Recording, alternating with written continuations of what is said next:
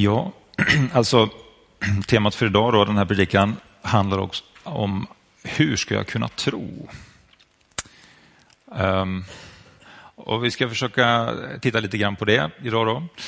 Eh, för det första måste man ju fundera lite grann över detta. Vad är det egentligen som gör en människa kristen? Varför är man kristen egentligen? Vad, vad är det som, vad beror, alltså vad, vad, vem kan säga att jag är kristen? Alltså en del människor, man kan ju höra så här att ja, men jag går till kyrkan. Och därför så, så, är jag en kristen, eller jag är uppvuxen i en kristen familj och det betyder att jag är kristen. Eller jag bor i ett, ett land som, som liksom är byggt på, på kristna värderingar, eller jag tror på Gud kanske, eller ja, men jag, är en, jag är en fin människa, eller någonting sånt. Men faktum är att ingen av de här sakerna som jag nämnde nu gör att någon är en kristen. Att gå till kyrkan, det gör inte någon till, att, till en kristen. Att tillhöra en kristen familj gör inte någon till en kristen. Att vara uppvuxen i ett samhälle som är kristet gör inte någon till en kristen. Att säga, till och med att säga att jag tror på Gud, det gör inte en människa kristen. Det finns många människor som säger jag har en tro på Gud, men som inte är kristna. Och det där med att vara en fin eller god människa, det är inte heller liksom det som avgör ifall man är en kristen eller inte. Nej, att vara en kristen, det har att göra med en förändring i livet, en förändring i inom sig. Det är det egentligen som, som det handlar om. Det står så här i andra Korintierbrevet 5 och 17. De som är i Kristus är alltså en ny skapelse. Det gamla är förbi, något nytt har kommit. Alltså att vara en kristen innebär att någonting har hänt i ditt innersta. Gud har kommit och gjort någonting. Han har gjort en förvandling i livet. Så pass genomträngande och allomfattande så att du kan säga att jag är en ny skapelse. Det är liksom som att du har flyttat in i Gud eller i Jesus och Jesus har flyttat in i dig. Det är det som det där att vara en, Kristus, eh, att vara en kristen faktiskt handlar om. Det handlar om relationen till Jesus. Eh, hur har man då en relation med Jesus? Det kan man ju fundera över. Ja, då står det så här i Johannes evangeliet åt alla dem som tog emot honom, tog emot Jesus, gav han rätten att bli Guds barn åt dem som tror på hans namn. Alltså den som tar emot Jesus, den som säger Jesus, du är välkommen in i mitt liv. Om man säger det, du är välkommen in i mitt liv Jesus, då får man från Gud, då får man bli Guds barn. Då får man en relation med Gud. Genom Jesus, genom tro på Jesus, så får man en relation till Gud. Det är det som att vara en kristen handlar om. Att ha en relation med Jesus Kristus, att vara förvandlad av det som Jesus har gjort i ens liv. Och det är utifrån det som man då sen kan faktiskt kalla sig för en kristen. Man kan ju fundera på det här, vem tror man på? Vem tror du på? Alltså, vi människor, vi tror ju på och litar på olika saker. Eh, en del människor litar väldigt mycket på sig själva och tror på sig själva, tror på sin egen kapacitet och möjlighet att göra saker. Va? Jag är duktig på det här, jag kan det här, jag är en stark människa. Eller också så kanske man tänker att man, man tror på, på sin familj.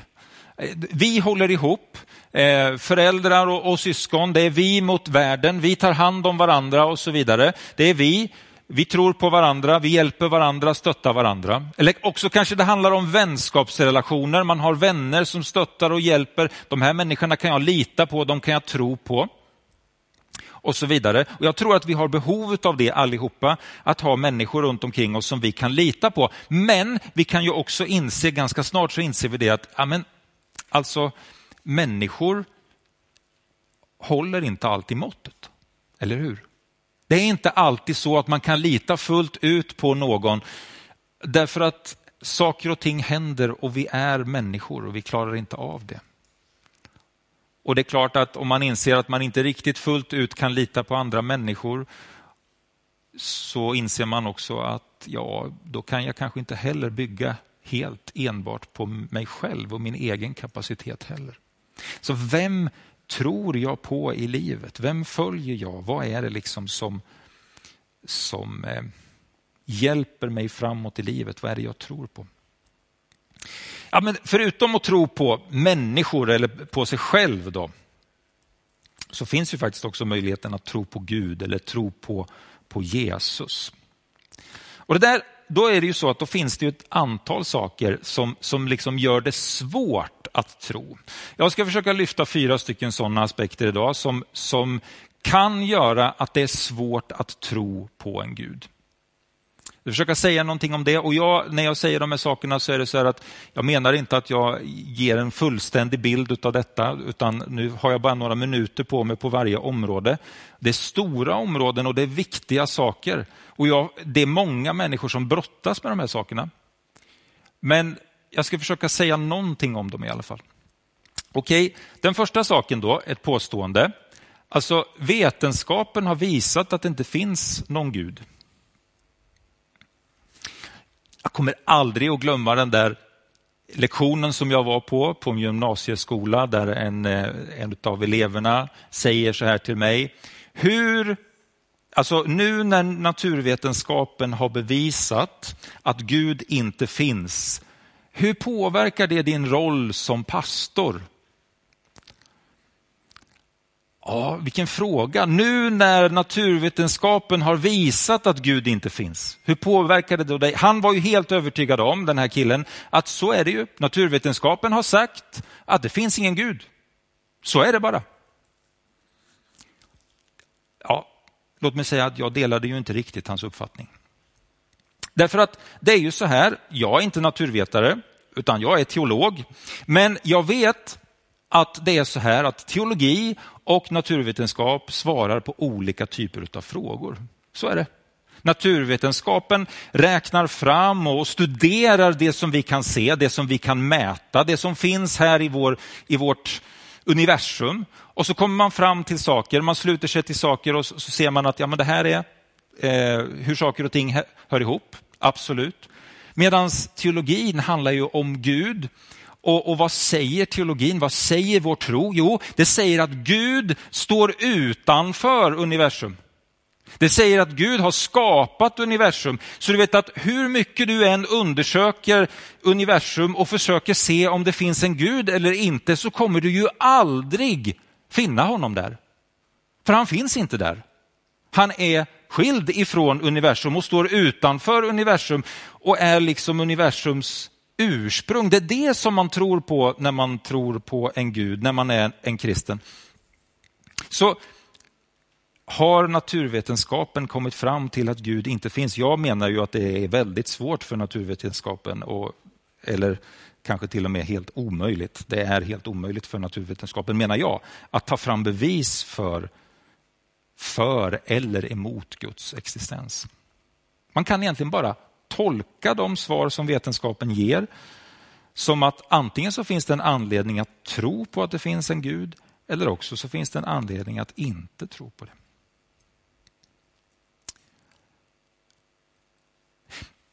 Men det är ju faktiskt så här att det finns många vetenskapsmän som säger att jag har genom mina studier kommit fram till att jag tror på en Gud. Jag tror att det finns någon som har skapat. Du vet när man tittar på, jag har nämnt det här några gånger, när man tittar på antalet nobelpristagare under 1900-talet så är det ju ungefär 80-81 procent, 81, lyssna på det här, 81 procent utav de som tog emot nobelpriset under 1900-talet, de sa att de trodde på en Gud.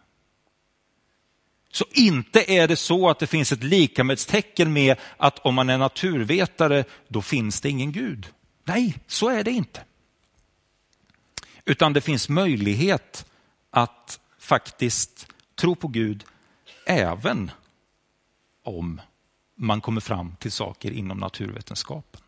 Ja, det var några tankar om det. En annan sak då, varför finns det inte mer bevis för Guds existens? Ja, men varför är det så egentligen? Varför visar sig inte Gud bara en gång för alla så att alla vet om att han finns? Tänk om Gud skulle bara dimpa ner här nu i den här lokalen jag, kan ju, jag vet inte riktigt hur han skulle få plats, men vi säger det i alla fall. Han, han dimper ner här, han har något så här form av Michelangelo-ansikte och han skiner omkring honom så här. Och så säger han, han riktar sig till mig den här gången, ni får vara med om det, och så säger han så här, Per Niklas Sigfrid Viktorell, L, jag har någonting att säga dig, nu får du lyssna. Jag tror att jag hade kvicknat till. Jag tror att jag hade lyssnat alltså. Det tror jag ju. Det måste jag säga. Och jag tror att du hade gjort det också om Gud hade uppenbarat sig på det sättet, eller hur? Och då kan man ju fråga sig, varför gör Gud inte så då? Varför visar han sig inte på det sättet för människor så att människor bara förstår att ja, men Gud, det är självklart, Gud finns, jag har sett honom, jag har mött honom. Ja, vad kan det handla om? Eh, när man läser Bibeln så kan man ändå se att Gud har visat sig för ett antal människor. Kanske inte just på det sättet, men, men på ett sätt som gör liksom att man har sett att ja, men Gud är verklig. Liksom. Så. Och Det finns också många exempel på människor som lever nu, som på olika sätt har upplevt och upptäckt att Gud är en verklighet. Det kan vara genom att man har fått bönesvar eller det kan vara genom att man har eh, sett en ängel kanske eller, eller någonting. Liksom. Det, det, det, finns, det finns många exempel på det. Men varför gör Gud det inte bara lättare? Liksom? Varför dyker han inte bara upp? Ja, det finns ju ett, ett bibelställe i Andra Mosebok som säger så här att ingen människa kan se Guds ansikte. Och vad, och vad, handlar det om egentligen? Då, då? Ja, men det, det, är ju så här att vi människor, vi kan inte se Gud och förstå vem han är. Det är omöjligt för oss därför att Gud är så mycket större än vad vi kan ta in och förstå. Så att även om Gud skulle visa sig för oss så skulle det liksom vara omöjligt för oss att förstå vem han är och vad han vill med oss. Du vet Jakob, i Jakobsbrevet i Nya Testamentet. Han skriver så här i sitt brev. Du tror att Gud är en. Ja, men det gör du rätt i, säger han. Också de onda andarna tror det och darrar. Men du vet att de onda andarna som finns, de tror inte att Gud är god och rättvis. Att tro att Gud är, finns, att han existerar, det räcker liksom inte. Det som du och jag behöver, det är att få möta en Gud som vi förstår är god och kärleksfull och som vill oss väl. Och hur ska vi kunna ta till oss det? Ja, det går liksom inte på det sättet att Gud kommer bara och uppenbarar sig, utan han har visat en annan väg och den vägen går ju då genom Jesus Kristus. Alltså han väljer en annan väg för att visa sig för oss, för att vi ska förstå vem Gud är. Han blir själv en människa och så går han omkring här på jorden och så visar han för oss, så här är Gud. Och genom att du tittar på Jesus, ja men då kan du förstå vem Gud är. Så det är en, en hjälp för dig att komma till Gud och förstå att jag behöver honom och han är god och han är kärleksfull gentemot mig.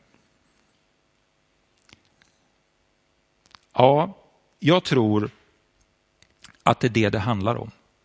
Gud skulle kunna visa sig för alla människor på ett, i ett ögonblick. Men det skulle inte betyda att du och jag skulle kunna ta emot honom.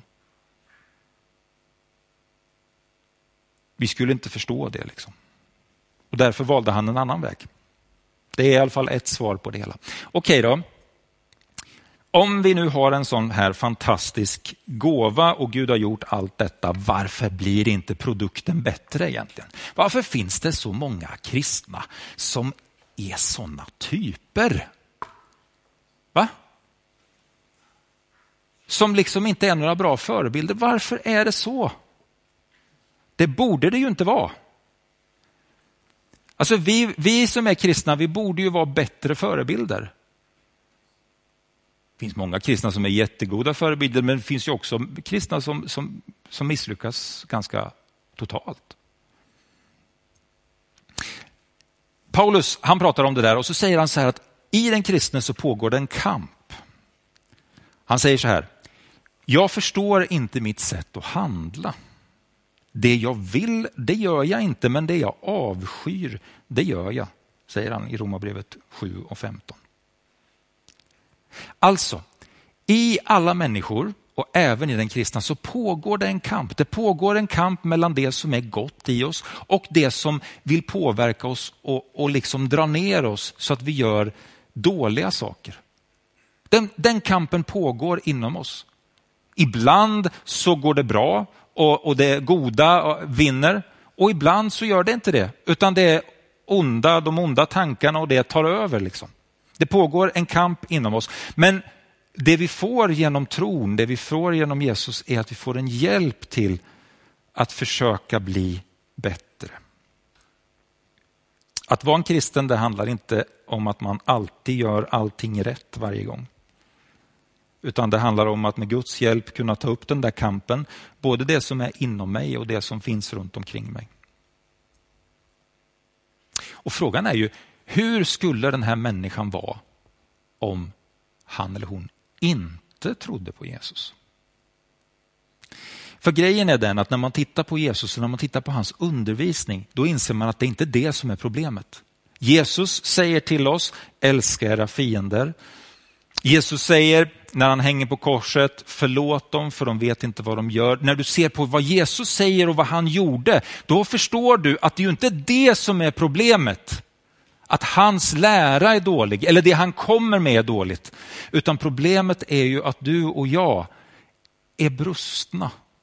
Och därför så blir det inte alltid så som Gud har tänkt att det skulle bli. Sen kan man också fundera över, blir det bättre i ett samhälle där man har försökt att utplåna tron på Gud? Det finns ju en del sådana samhällen. Vi tar några exempel. Ryssland är ett sådant samhälle, Kina är ett sådant samhälle, eh, Kambodja är ett sådant samhälle. Och, och, lyssna nu här. Eh, Stalin exempelvis i Ryssland, där beräknar man att under hans regim så tog man död på mellan 20 och 35 miljoner människor. Mao i Kina, ja, det räknar, man beräknar att han har ungefär 70 miljoner, ja det här är ju helt makalöst vansinnigt, 70 miljoner människoliv har han på sitt samvete, den regimen. Pol Pot i Kambodja avrättade ungefär 20 procent av befolkningen i Kambodja. Och alla de här, de trodde att vägen framåt det är att det finns ingen Gud. Vad gör den tron med människan när man plockar bort Gud ur ekvationen? Blir det ett bättre samhälle av det? Ja, det är i alla fall inte vad mänsklighetens historia visar på.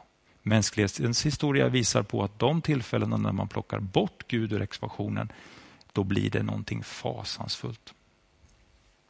Men det finns många människor som inte har en tro som ändå är goda människor. Och så finns det kristna som kämpar och inte alltid lever som man ska. Men kanske kan man säga så här att vara en kristen innebär inte att du är bättre än andra, men förhoppningsvis är du en bättre version av dig själv. Hur skulle jag vara om jag inte hade Jesus?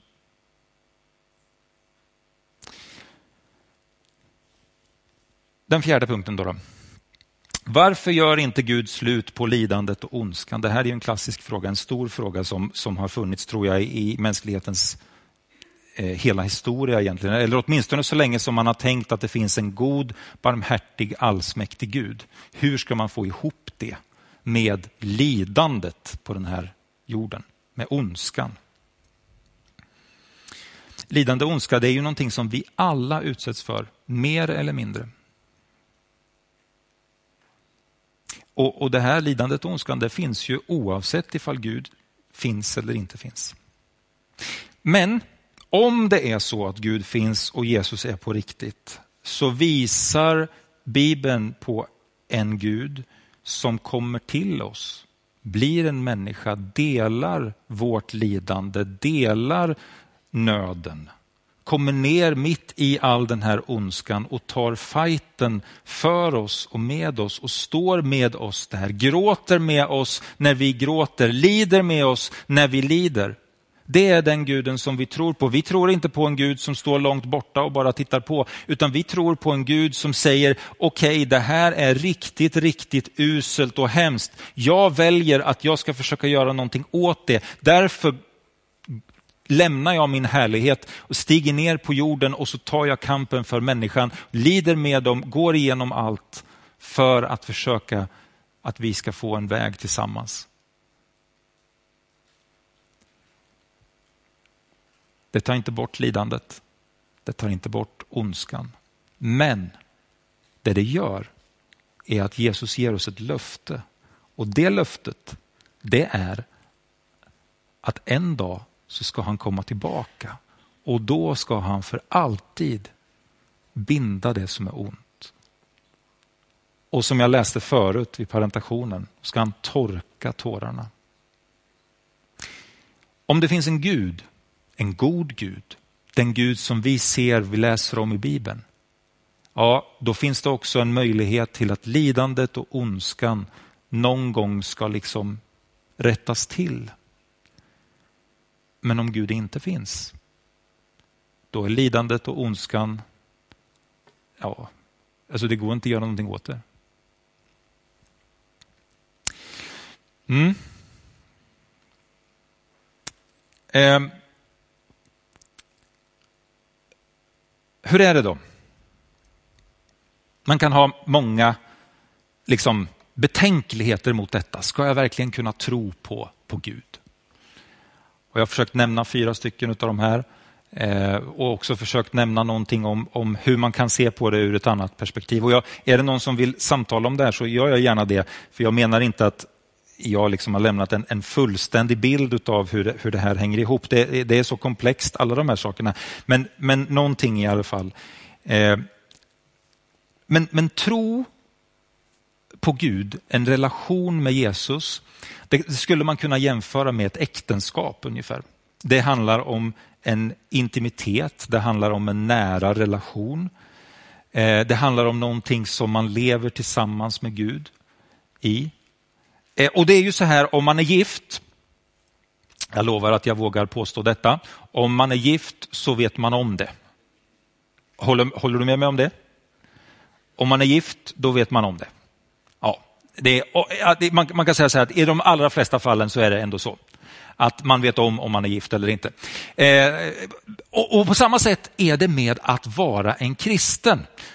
Det står så här i första Johannesbrevet 5 och 13. Detta skriver jag till er för att ni ska veta att ni har evigt liv, ni som tror på Guds sons namn. Att vara en kristen, det innebär att jag kan veta om att jag har den här relationen. Jag vet om att Gud har gjort någonting för mig. På samma sätt som att jag vet att jag liksom är gift. Jag är gift med Paula, det vet jag om. På samma sätt vet jag om att det som Jesus har gjort för mig, det innebär att jag är ett Guds barn. Tro behöver inte, eh, landar inte alltså enbart i att jag har en känsla av att jo, men jag tror, det känns bra. Utan tron landar i att Bibelns ord berättar för mig, att Guds ord berättar, att Gud säger att om du tror så tillhör du mig. Det finns ett skrivet dokument. Liksom. Och det dokumentet heter Bibeln. Och det dokumentet säger att om jag tror på Jesus, ja men då har jag en relation med Gud.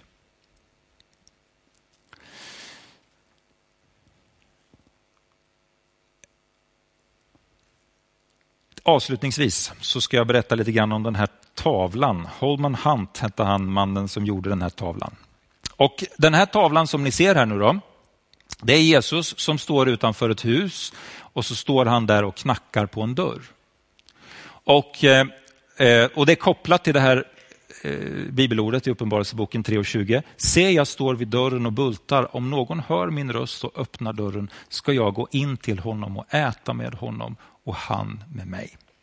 Alltså vad handlar det här om? Jo, det här är ett, ett löfte från Jesus som säger så här. Jag står utanför varje människas port, varje människas hjärtan och där står jag och knackar på. Den som, den som hör den där knackningen, den där bultningen och säger att ja, men jag, jag vill öppna mig för, för dig. Jag vill släppa in dig i mitt liv. Då säger Jesus, då kommer jag komma in i ditt liv och då kommer jag att äta tillsammans med dig. Alltså då kommer jag dela din, din vardag tillsammans med dig. Eh, då kommer jag vara en del av ditt liv. Någon eh, sa när de såg den här bilden som Holman Hunt har gjort, så sa de så här att eh, ja, det är ju ett fel här alltså. Det går inte att se att det är en dörr. Det finns inget, det finns liksom inget eh, vrede som man kan ta sig in. Och då sa Holman Hunt, nej, det är inget fel på bilden. Jag vet att det inte finns något sätt att ta sig in. Varför? Jo, därför att den dörren går bara att öppna inifrån. Jesus tänker inte slita upp dörren, han jobbar inte på det sättet. Han sliter inte upp dörren och säger nu ska jag komma in, nu får du ge dig. liksom. Utan han står bara där och knackar. Men på insidan finns du och jag och där finns det en möjlighet att ta tag om det där dörrvredet och trycka ner det och öppna upp dörren och säga Jesus, jag vill att du ska komma in i mitt liv för jag behöver dig. Det är det som tro handlar om. Att våga lyssna på den där bultningen från Jesus.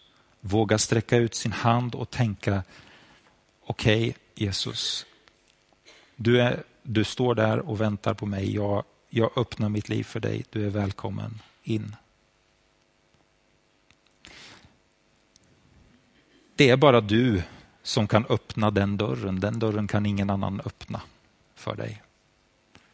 Och ibland är det till och med så i hjärtat att man till och med har flera dörrar. Ibland kan det finnas saker i livet som man liksom vill utestänga Jesus ifrån.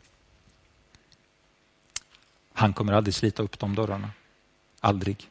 Det är bara du som kan öppna de dörrarna. Det är bara du som kan ge Jesus tillträde till ditt liv, till ditt hjärta. Och det kan du göra genom att säga okej okay, Jesus, välkommen in. Jag öppnar för dig. Om du känner så här idag, att du brottas med det här med tro, om, man, om du liksom kan, vågar du tro, kan du tro?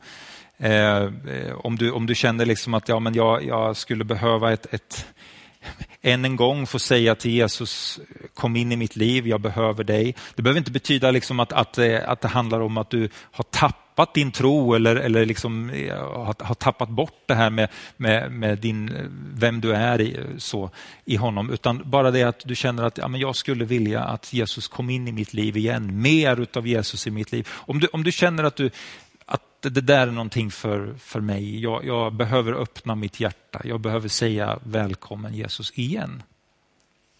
Kanske för första gången, kanske för att du har gjort det många, många, många, många gånger så ska du veta det att idag så lovsångsledarna ska komma upp här och, och, och, idag så, så har du möjlighet att komma fram och få förbön. Vi har förebedjare som kommer sitta där eh, på två stycken platser. Dit är du välkommen. Eh, har du något annat som du känner att det här skulle jag vilja få hjälp, att andra ber för, då ska du veta att du är välkommen fram och så ber vi tillsammans. Eh, för mitt i allting så finns det någon, Jesus, som vill hjälpa dig där du är och där du befinner dig. Jesus, Herre, vi ber om att, att du ska hjälpa oss att tro, hjälpa oss att lita på dig. Ibland är det svårt. Ibland är det svårt när man ser saker och ting som man inte tycker hänger ihop eller som vi inte förstår, Jesus. Men jag ber, låt oss få ha en tro på dig, låt oss kunna sträcka oss mot dig, Herre. Tack för var och en som är här idag. Tack för att du vill möta med oss, Herre. Hjälpa oss fram till en tro på dig.